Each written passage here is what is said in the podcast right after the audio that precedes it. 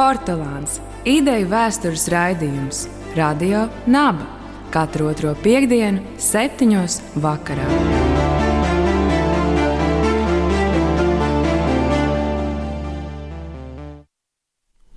Godātie radionabi klausītāji, labvakar! Raidījums Portugāns. Attieksme pret kalniem rietumu kultūrā ir bijusi neviennozīmīga. Tā ir bijusi vieta, kur mīt gan puķi, un dēmoni, gan svētie. Lai atklātu, kāda ir bijusi šo uzskatu attīstība un pārmaiņība, mēs studijā esam aicinājuši vienu no mūsu raidījuma patroniem, LU Vēstures un filozofijas fakultātes profesoru Raivi Bičevski. Labvakar! Un ar jums studijā, kā vienmēr, Rudolf Vitoļņš un Mikls Solovejs. Kāda ir bijusi attieksme pret kalniem rietumu kultūrā senajos laikos? Jā, nu, šis jautājums noteikti nav nemaz tik vienkārši atbildams.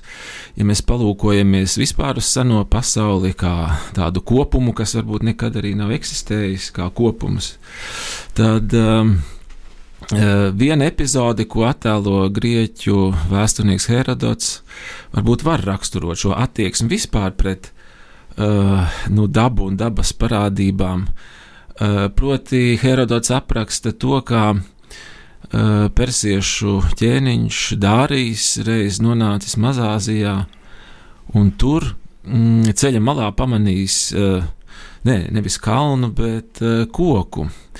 Un šī, šī koka tēls viņu tik lielā mērā uzrunājis, ka viņš atstājis pie šī koka sargus un licis saviem padotajiem šo koku uh, apvīt ar uh, zelta ķēdēm un iz, iz, izgraznot ar, ar dārgakmeņiem. Nu, es domāju, ka šis ir tāds labs simbolisks tēls, kas parāda to satikšanās pēkšņumu ar dabu, ar, ar to, kas šo cilvēku apziņās nu, parādās kā pārsteidzošais, kā jā, arī dievišķais, bet tēlā, jā, bet simboliskā tēlā, šī gadījumā, šajā koka jā, tēlā, un um, man jau šķiet, ka pret kalniem arī senajā pasaulē ir līdzīga attieksme. Nu, bet tajā stāstā, ko tikko minēji, uzreiz ieskanās tieksme izskaistināt un uzlabot un norobežot, kontrolēt, padarīt, eh, nu, apstādināt laikā. Un tā tāda nu, specifiska attieksme pret dabu. Savukārt, citu ņemot uh, antīko klasiku Odiseju, tur, piemēram, ir norādīts, ka kalnos mīt ciklopi. Un šis attēlojums tāds, ka no vienas puses ir kalni, bet no otras, viņu šai uh, dzīvošanas veidam viņam nav nekādas sistēmas un organizācijas, citiem vārdiem, polises. Un varbūt tas dod vēl kādu papildus slāni uz tava stāstu. Uh, nu jā, nu, tur visur ir darīšana tāda robežu pārkāpšana vai, ne, vai iziešanu uh, ārpus, jā, polises iziešanu ārpus cilvēku sakārtotās, veidotās vides. Uh, un kā, un kā nu, tādā ziņā, kā šie ciklopiskie kalni, alas, jā, kuros mēs uh, saskaramies ar ne cilvēcīgo, ar mežonīgo. Ar mežonīgo jā, jā, tad kaut kādā mērā pat tomēr tas stāsts par Dāriju tur sa saskarās jā, ar šo aspektu. Arī tur jā, viņš vienu brīdi, vismaz šajā pārdzīvojumā, arī iziet ārpus jā, cilvēciskā un. un Un pierastā, ja tas ir tālāk, kādas ir reakcijas uz to, vai ne? Kādas ir reakcijas, ko mēs novērojam pēc tam, uh, bet tā tad eh, kalni kā robeža, kā cilvēciskā robeža, kā tā, ar kā. Uh, ar satikšanos, ar ko mēs šķērsojam jā, pierastā un līdz šim uztveramā un saprotamā robežas. Man liekas, ka arī interesanti piezīmēt trešo dabas parādību, tūkstnesis. Proti, sengrieķu valodā vārds oros ir gan apzīmējums kalnam, gan Eģiptes tūkstnesim. Tātad divas tik dažādas, gan florā, gan faunā, gan izskatā zonas, bet tās abas ir liminālās zonas vietas, kur, jā, okay, kur mēs šķērsojam robežu. Tad tūkstnesis un kalns, un nāk prātā otrs Eiropas balsts judeo-kristīgā tradīcija - Sinai kalns, kāpšana kalnā, satikties ar ko? Ar gudrību, saņemt kādu atklāsmi, nākt lejā pie citiem un dot viņiem, ko kalnā esi sapratis. Karmela kalns un tad jau gal galā arī Golgāts kalns jaunajā derībā. Varbūt tev ir kāds komentārs šeit. Mm, jā, eh, nu, man šķiet, ka jā, šī bibliskā tradīcija, kurā uh, mēs redzam, ka kalnu parādāmies jaunu tūkstnesi, vai ne ļoti, kā saka, nu, uh, arī daudzveidīgi. Ne, ir daudzi kalni, kas ir pieminēti un, un ar kuriem ja, noteikti simboliska vērtība un tāda eksistenciāli piesātinātas vietas jā, šajos kalnos. Ja mēs palūkojamies gan, protams, uz jauno arī derību, vai ne, ar Golgātas kalnu, uh, ja palūkojamies uz, uz um, Vēl citiem kalniem, arī vecajā derībā. Jā, uh, nu, bet es domāju, ka tur svarīgais moments ir, ka ne, šī gudrība vai atklāsme vai tikšanās ar dievišķo tomēr ir ceļš, Eh, kalnu, kas eh, nešķiet vienkārši, vai ne? Un tādā totālā sāsinājumā šo nevienkāršo, ne, nevienkāršo un eh, ciešanu pilno ceļu jau arī simbolizē, protams, Golgāta. Un, um, jā, nu tur varētu teikt, parādās tas aspekts, ka um, Uh, jā, tomēr arī kaut kāds tāds robežu moments un robežas pārvarēšana, pāriešana kā uh, sāpīgs, uh, ciešana pilns ceļš, kura rezultātā šī gudrība dzimst vai var tikt vispār tikai sasniegta. Uh, bet uh, par šo Golgātu minot, varbūt jau pārlecot mazliet citā periodā, tad 15. gadsimts uh, Lombardijā kalns tiek pārveidots par imitāciju šim ceļam, kur kalna galotnē ir ceļā uz kalnu dažādas augstās pa stacijām, kur tā tiek izspēlēts šis te. Uh, Kristus pārdzīvojuma ceļš, un arī Mikls tikko minēja kāpšana kalnā, kāpienas kalnā. Un tad jautājums, vai Petrārka ir uzskatāms par pirmo kliņšu kāpēju? 19. gadsimtā dēļ viena teksta, ar kuras ceru, mūs mazliet iepazīstināt un klausītājus tekstu, kura dēļ 19. gadsimtā Petrārku nodēvēs par pirmo moderno cilvēku. Vai šajā vēsturē tas atklājas attiecībā uz kalniem? Mm, jā, nu runa ir par Petrārkas vēstuli vienā no saviem vēstuļu biedriem, ja, tātad 1336. gada 26. aprīlis. Eh, Petrārka eh, dodas ar uh, saviem līdzbiedriem Vēju kalnā.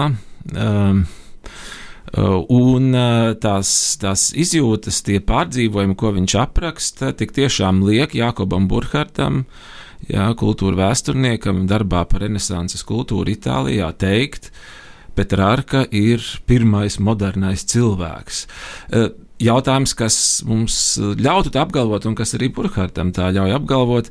E, nu, e, ja mēs palūkojamies šo vēstules tekstu, Jo tajā laikā jau tas jāatcerās, ka Petrārka jau nav vienīgais, kas apmeklēja ja, kalnus, protams, vai ne.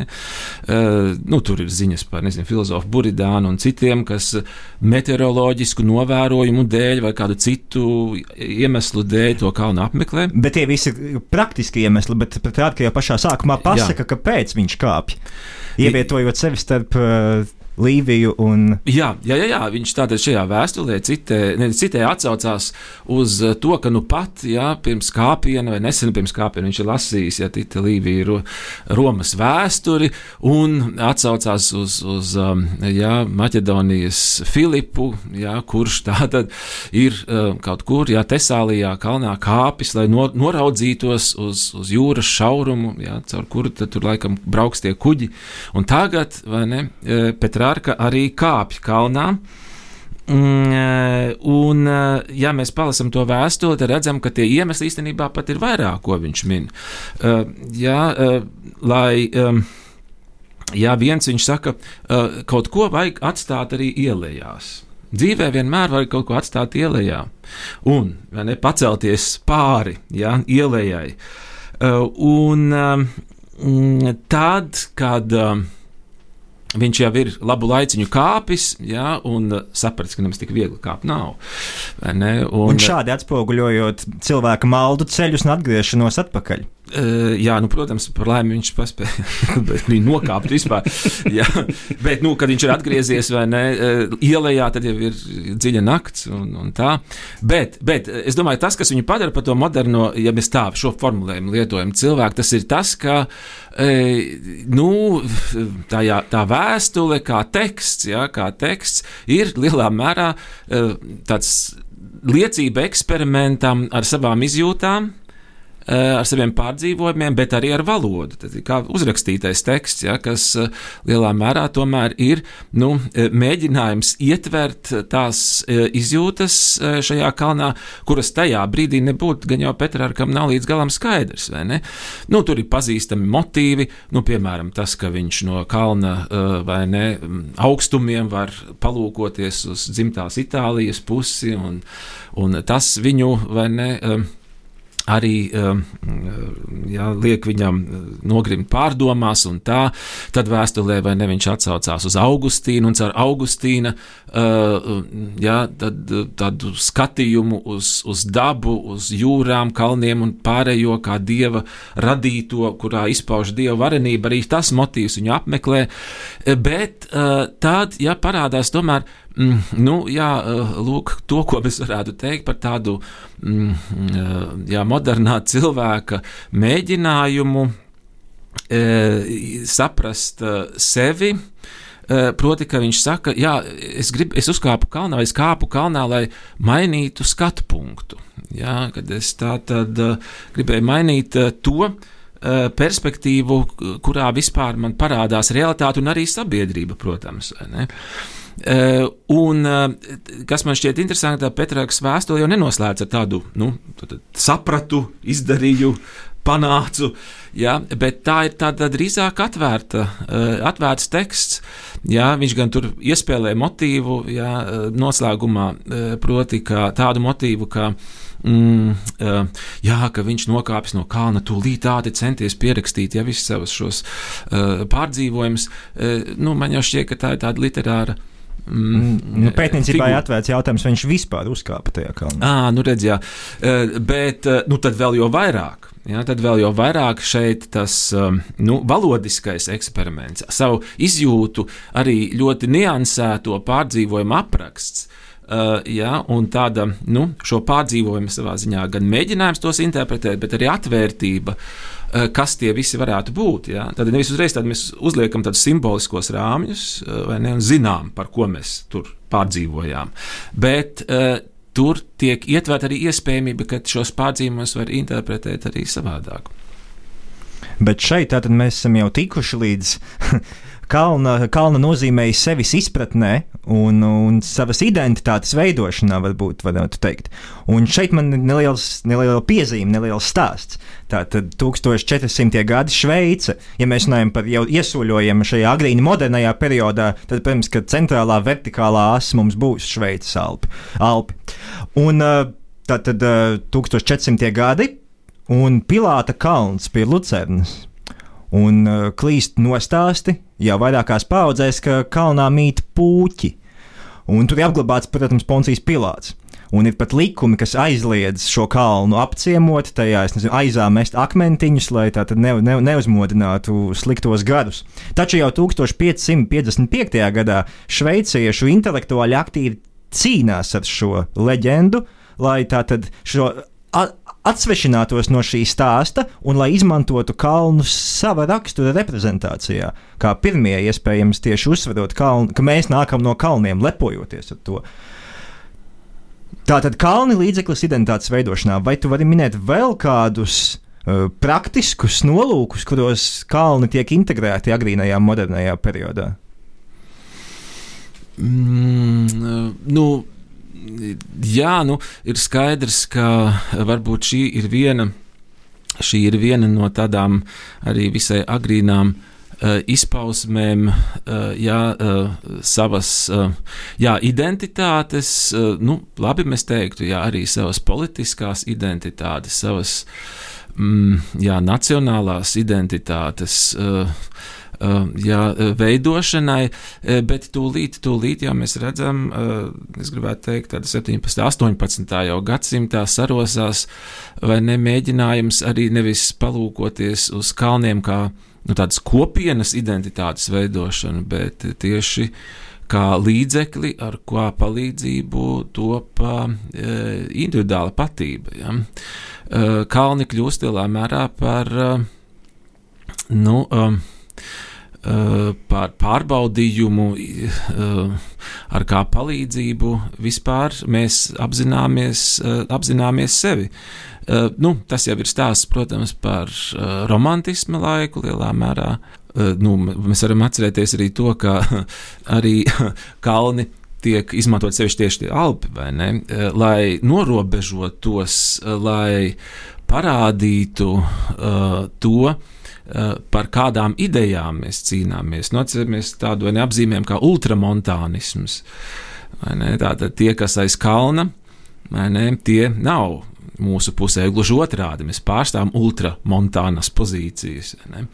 Tā kā kalni, protams, šajā politi sociāla politiskajā audumā ir, uh, ir ierakstīti jā, visā vēsturē. Bet arī pilsētas būvniecība kalna galā.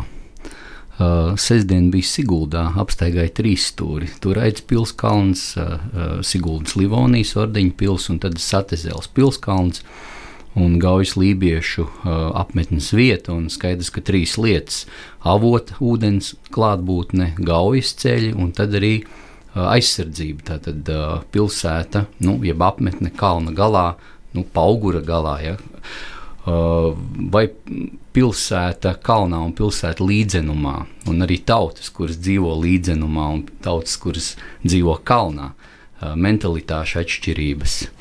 Vai tur ir arī Un tā ir tāda jā, liela, un es gribētu teikt, arī um, pārsteigumiem, bet arī uh, lamatām gan jau pārpilna tēma.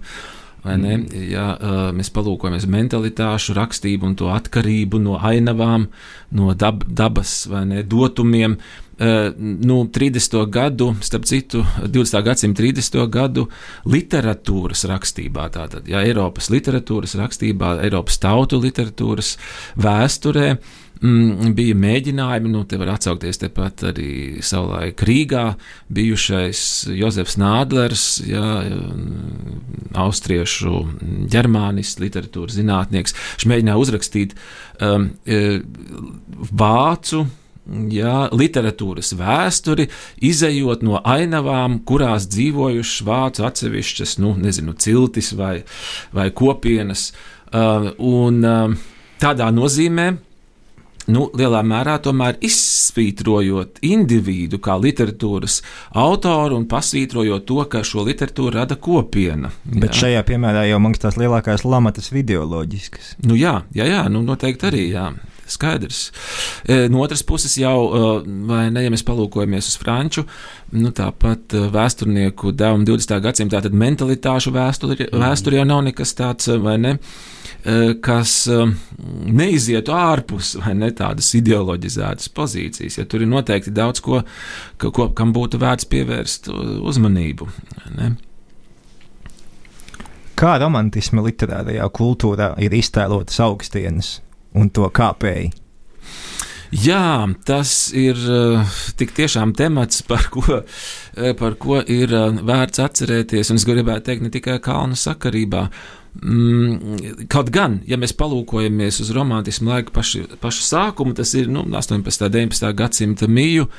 Mm, tad ne visi to brīdi intelektuāli aktīvie mm, uh, saka, spēlētāji ir ir pārliecināti romantiķi un ir pārliecināti kalnu cienītāji. Nē, e, ja mēs palūkojamies piemēra pēc uz e, romantiķiem pavisam tuvu, e, jā, stāvošu personu, proti uz Hēgeli, tad, jā, varbūt tad viņa pozīcija ļoti labi var ar viņa pozīcijas palīdzību ļoti labi raksturo to pārēju vai to, kas notiek tajā romantisma attieksmē pret kalniem.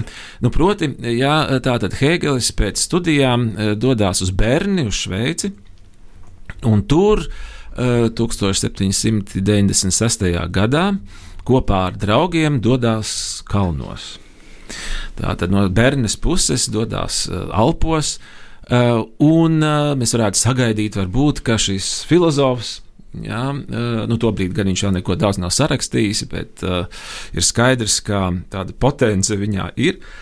Mm, jā, tā tad šis filozofs Helderlīna un Šelinga un citu romantiķu paziņa un draugs un studiju biedrs dodas kalnos un gan jau, ka viņa viņa Eh, atklāsmes un, un, eh, un sajūsmas saucieni būs dzirdami pa lielu gabalu.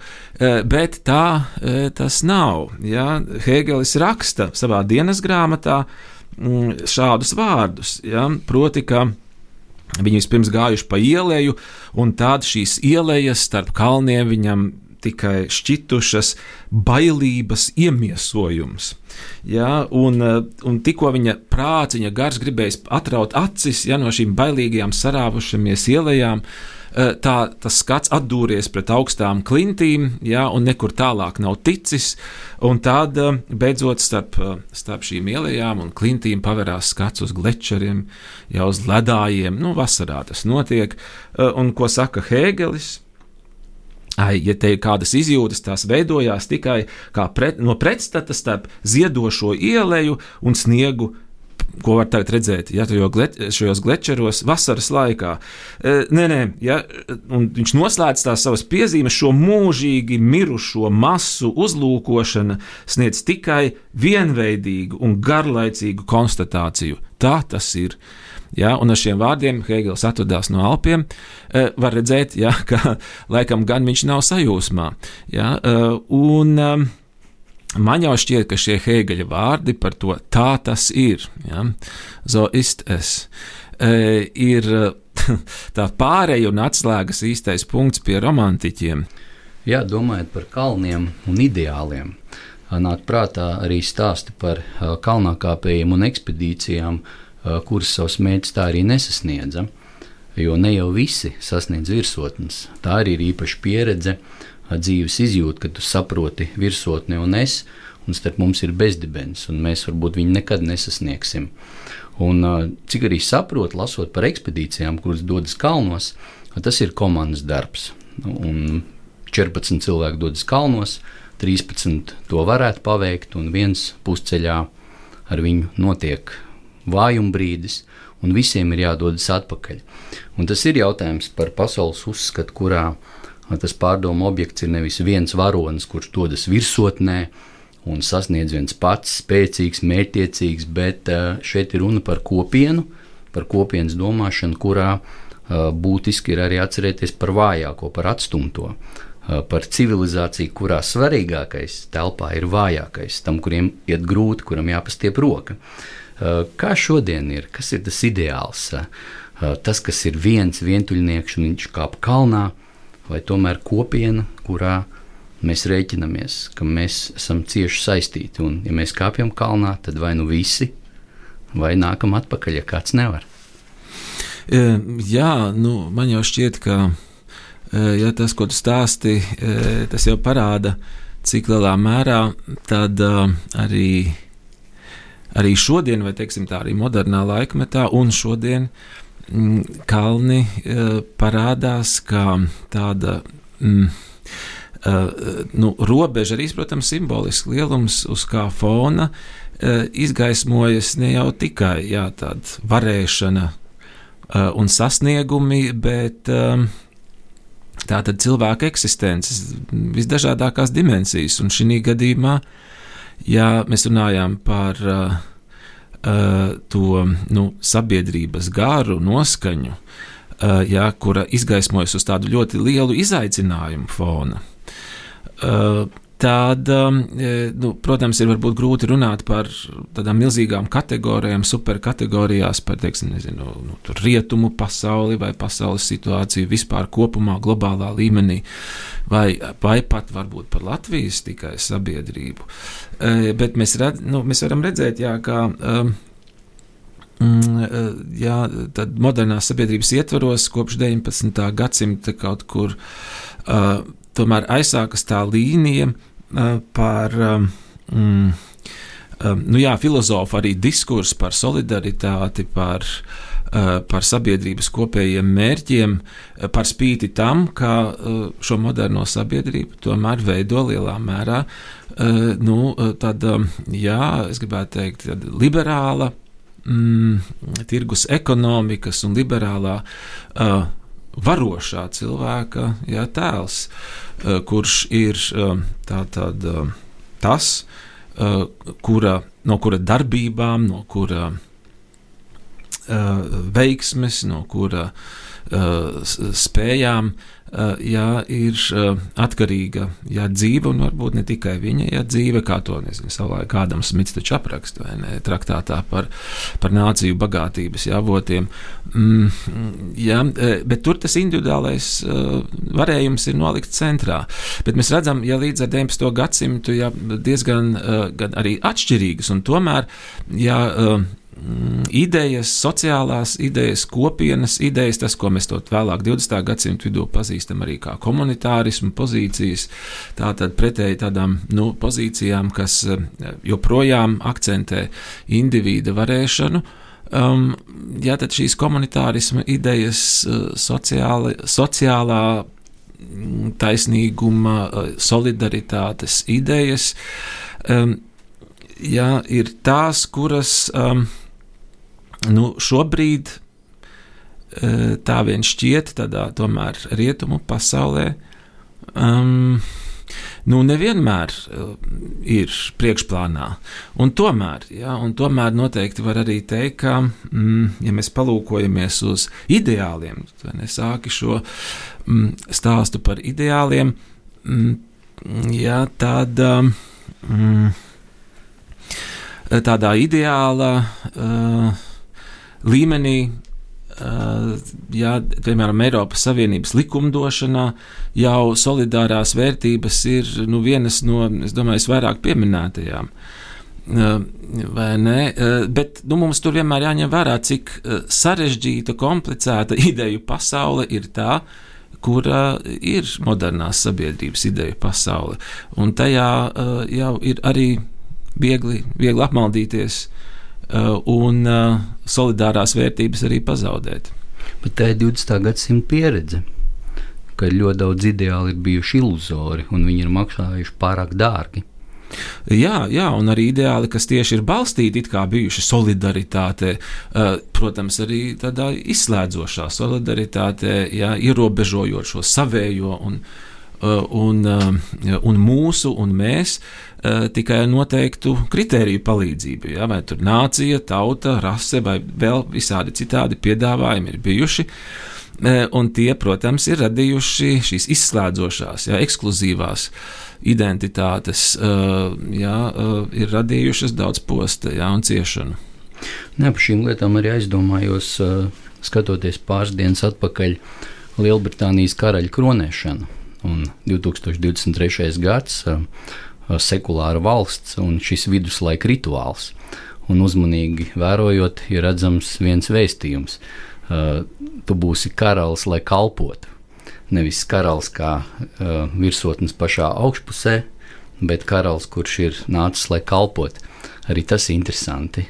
Tas bija tāds vēl pārdomām par vispār šī rituāla vēstījumu mūsdienu pasaulē lai ko mēs domātu par monarhiju un par britu monarhiju, bet rituāls pats par sevi ir atnācis nu, jau tūkstoši gadus sens pagātnes.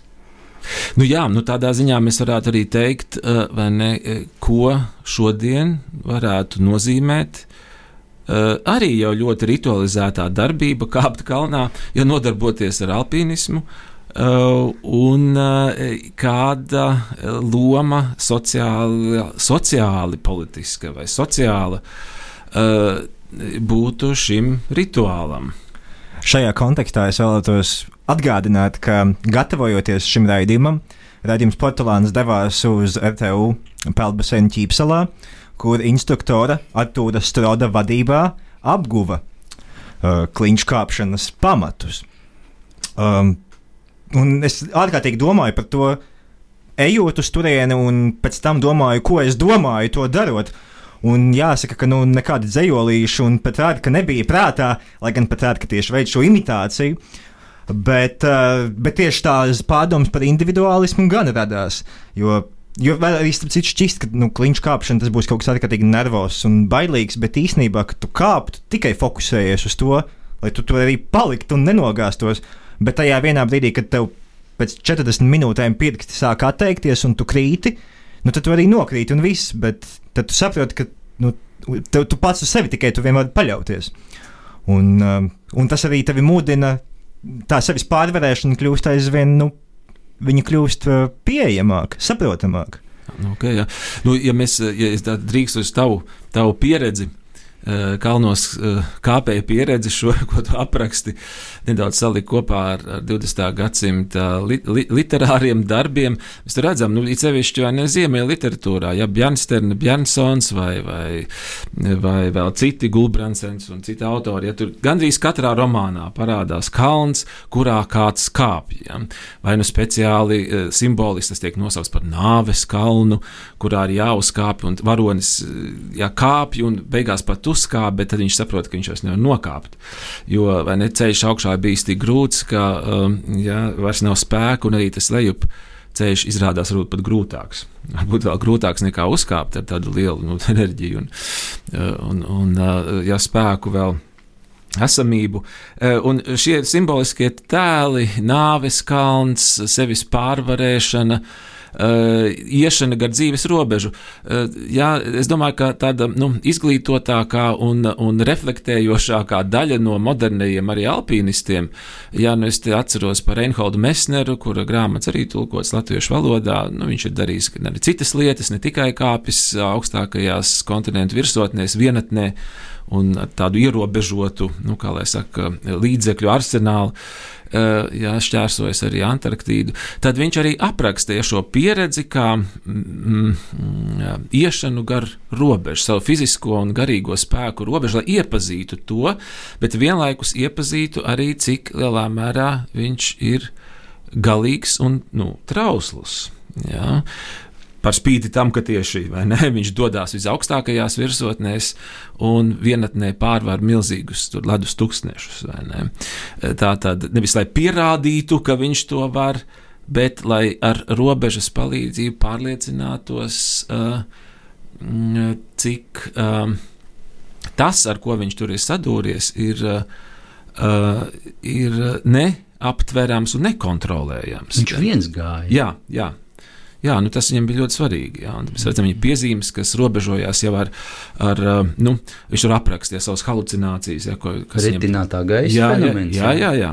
jā. Mhm. Un tas ir, es domāju, tāds lielisks dokuments jā, arī cilvēku eksperimentam ar sevi, ar savām iespējām, gan, bet arī ar to, kurā brīdī šis kalns, ja, kurā ir jākāp, nevis kļūst par sasniedzamo un, kā lai saka, mm, apliecinājumu sev, savai varēšanai, bet tas kalns kļūst par beidzot tā pa īstam saskaršanos ar realitāti.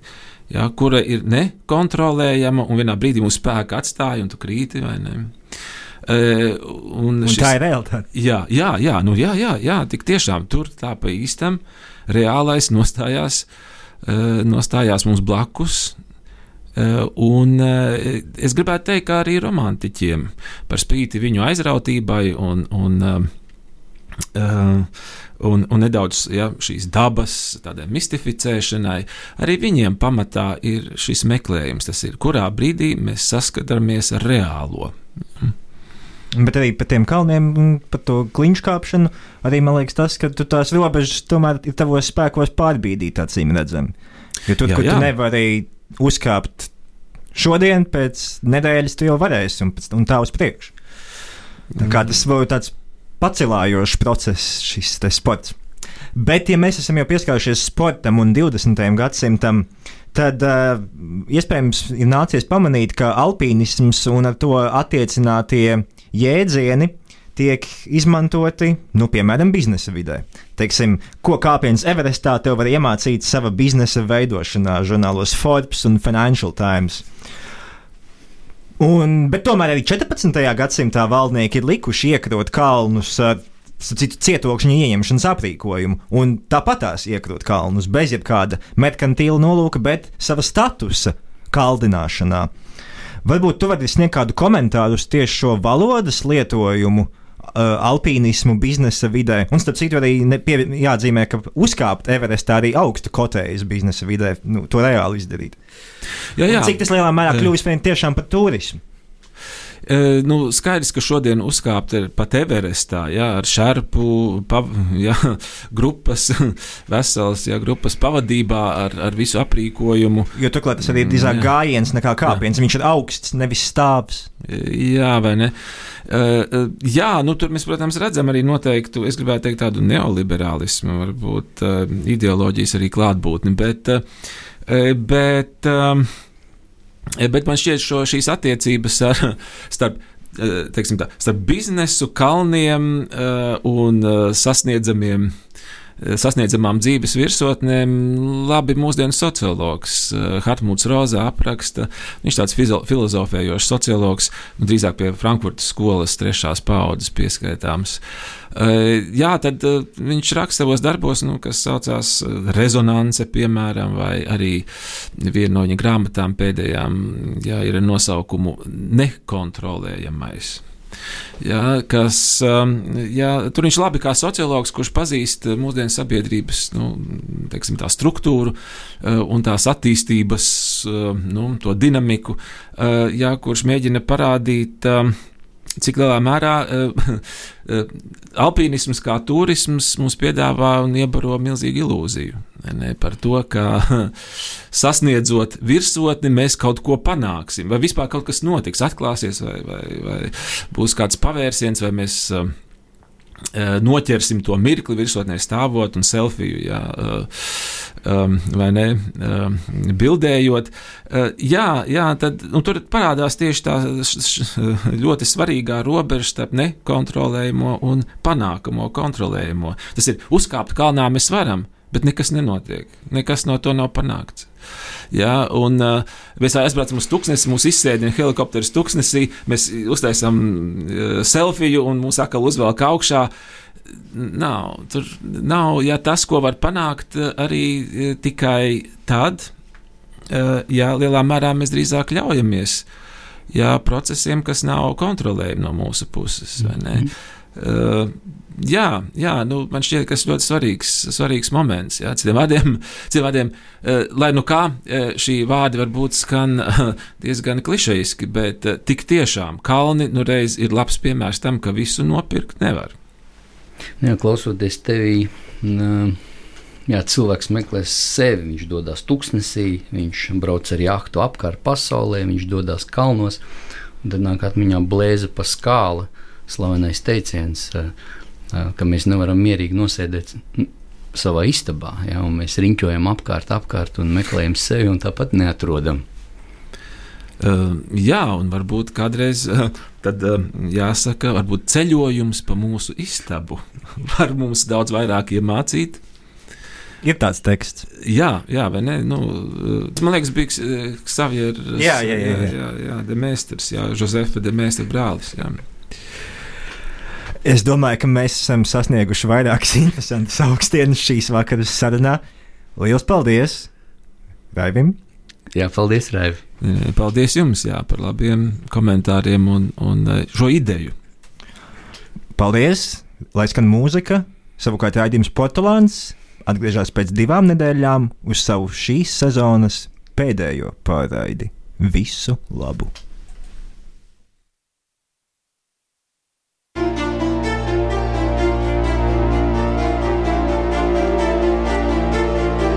Portugāns - ideju vēstures raidījums. Radio Naba. Katru otro piekdienu, septiņos vakarā.